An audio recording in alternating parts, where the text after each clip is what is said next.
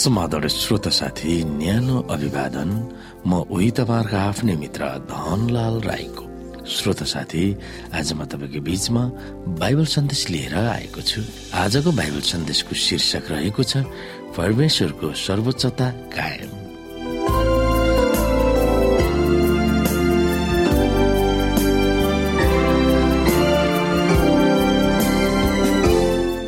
श्रोत साथी यो परमेश्वरको सर्वोच्चता कायम भन्ने बाइबल सन्देशमा हामीले अध्ययन गर्नुपर्ने बाइबलका केही पदहरू रहेको छ। भजन सङ्ग्रह आठ अध्याय भजन सङ्ग्रह एक सय अध्याय भजन सङ्ग्रह सन्तानब्बे अध्याय भजन सङ्ग्रह पचहत्तर अध्याय भजन सङ्ग्रह एक सौ पाँच अध्यायको सातदेखि दस गलाते तीन अध्यायको छब्बिसदेखि उन्तिस भने भजन सङ्ग्रह पच्चिस अध्यायको दस पद। र हामीले यहाँ सम्झाउनु पर्ने पद अथवा मेमोरी गर्नुपर्ने बाइबलीय भर्स रहेको छ भजन संग्रहको पुस्तक तिरानब्बे अध्यायको एक पद। यहाँ लेखिएको छ परमप्रभुले राज्य गर्नुहुन्छ।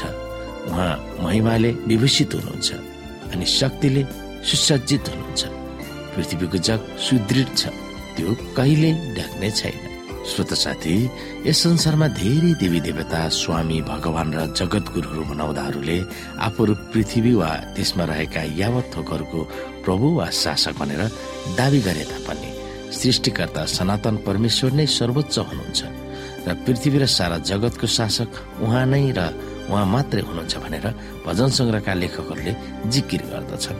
सृष्टिकर्ता परमप्रभु परमेश्वर यस संसारमा आफ्नो प्रभुत्व जमाउनुहुन्छ भन्ने धारणा हाम्रो विश्वासको जग हो र यसबाट कोही पनि विचलित भएर अरूहरूलाई भगवान भनेर पुज्न बाइबलले अनुमति दिएको छैन। जसरी जन्म दिने आमा बाहेक अरू स्त्रीलाई जन्मदाता आमा भनेर सम्बोधन गरिँदैन। प्रभुले नै सबै थोक सृष्टि गर्नुभयो र उहाँले नै सबै थोकलाई सम्भार पनि गर्नुहुन्छ। यस पृथ्वी र सारा जगतका सार्वभौमिक राजा उहाँ नै हुनुहुन्छ। उहाँले संसारमा धार्मिकतामा यथोचित र न्यायचित प्रक्रियाले शासन गर्नुहुन्छ। उहाँका विधिहरू आदेशहरू दश आज्ञाहरू निर्देशनहरू कानुनहरू असल छन् र जसले तिनीहरूलाई पालना गर्दछन् तिनीहरू खुसी र सुखी हुन्छन्। तिनीहरूलाई पालन गर्दा मानिसलाई जीवन पाउँदछ र मानिसको जीवन अर्थमूलक हुन्छ। परमप्रभु परमेश्वर उचित न्याय गर्ने न्यायाधीश पनि हुनुहुन्छ। यस संसारमा व्यवस्थित ढङ्गले चलिरहोस् भनेर उहाँले सुनिश्चित गर्नुहुन्छ।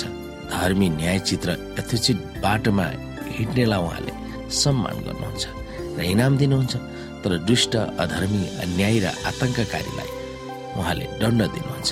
उहाँले उहाँकै समयमा ती प्रक्रियामा चल्नुहुन्छ तब हाम्रो चाहना र समयमा होइन। श्रोता साथी यस संसार कसरी सुरक्षित तरिकाले चल्नुपर्छ भनेर देखाउन परमेश्वरले पौराणिक कालमा इजरायलीहरूसँग करार बाँध्नु भएको थियो। यस संसारको वर्तमान र भविष्यको निम्ति विशेष भूमिका खेल्न उहाँले यहुदी जातिलाई खटाउनु भएको थियो।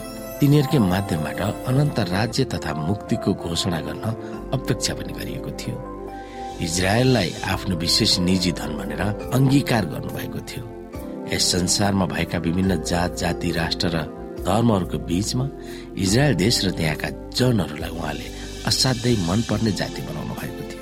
आफ्नो करार वा तिनीहरूसँग गर्नुभएको सम्झौता प्रति प्रभु प्रतिबद्ध हुनुहुन्छ। समय समयमा उहाँका जनहरूले उहाँलाई गद्दारी गरे तापनि उहाँको खुलियाम विद्रोह गरे तापनि वा अस्वीकार गरे तापनि आफ्ना विश्वासी जनहरूलाई निरन्तर रूपमा हेरचाह गर्नुहुन्छ र आफ्नो करारमा कटिबद्ध हुनुहुन्छ।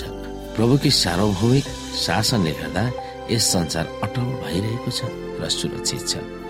यो आधारभूत सत्यलाई पाठकहरूले बुझोस् भन्ने भजन संग्रहका लेखकको लक्ष्य हो।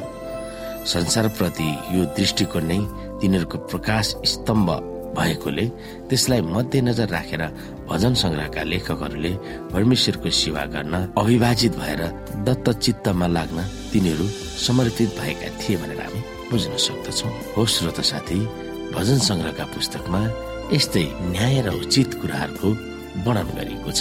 महिमित परमेश्वरको विषयमा गुणगान गरिएको छ।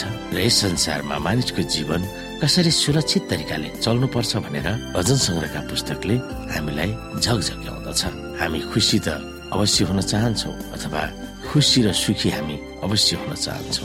ती विषयमा हामीले कसरी खुसी र सुखी बन्न सक्छौ र हामी यस संसारमा कसरी व्यवस्थित ढङ्गले चल्न सक्छौ र धर्मी न्यायचित र यथोचित बाटोमा हिँड्दाखेरि पाइने सम्मानहरू यी भजन संग्रहको पुस्तकमा उल्लेख गरिएका छन् र हामीले परमेश्वरको सर्वोच्चतालाई कसरी कायम राख्न सक्छौँ? एकमात्र परमेश्वरको योजनालाई हामीले कसरी बुझ्न सक्छौँ र कसरी बुझ्नु पर्दछ भन्ने कुरा पनि यिनै पुस्तकमा परिभाषित गरिएको छ। यिनै कुरामा हामी विचार गर्न सक्दछौँ।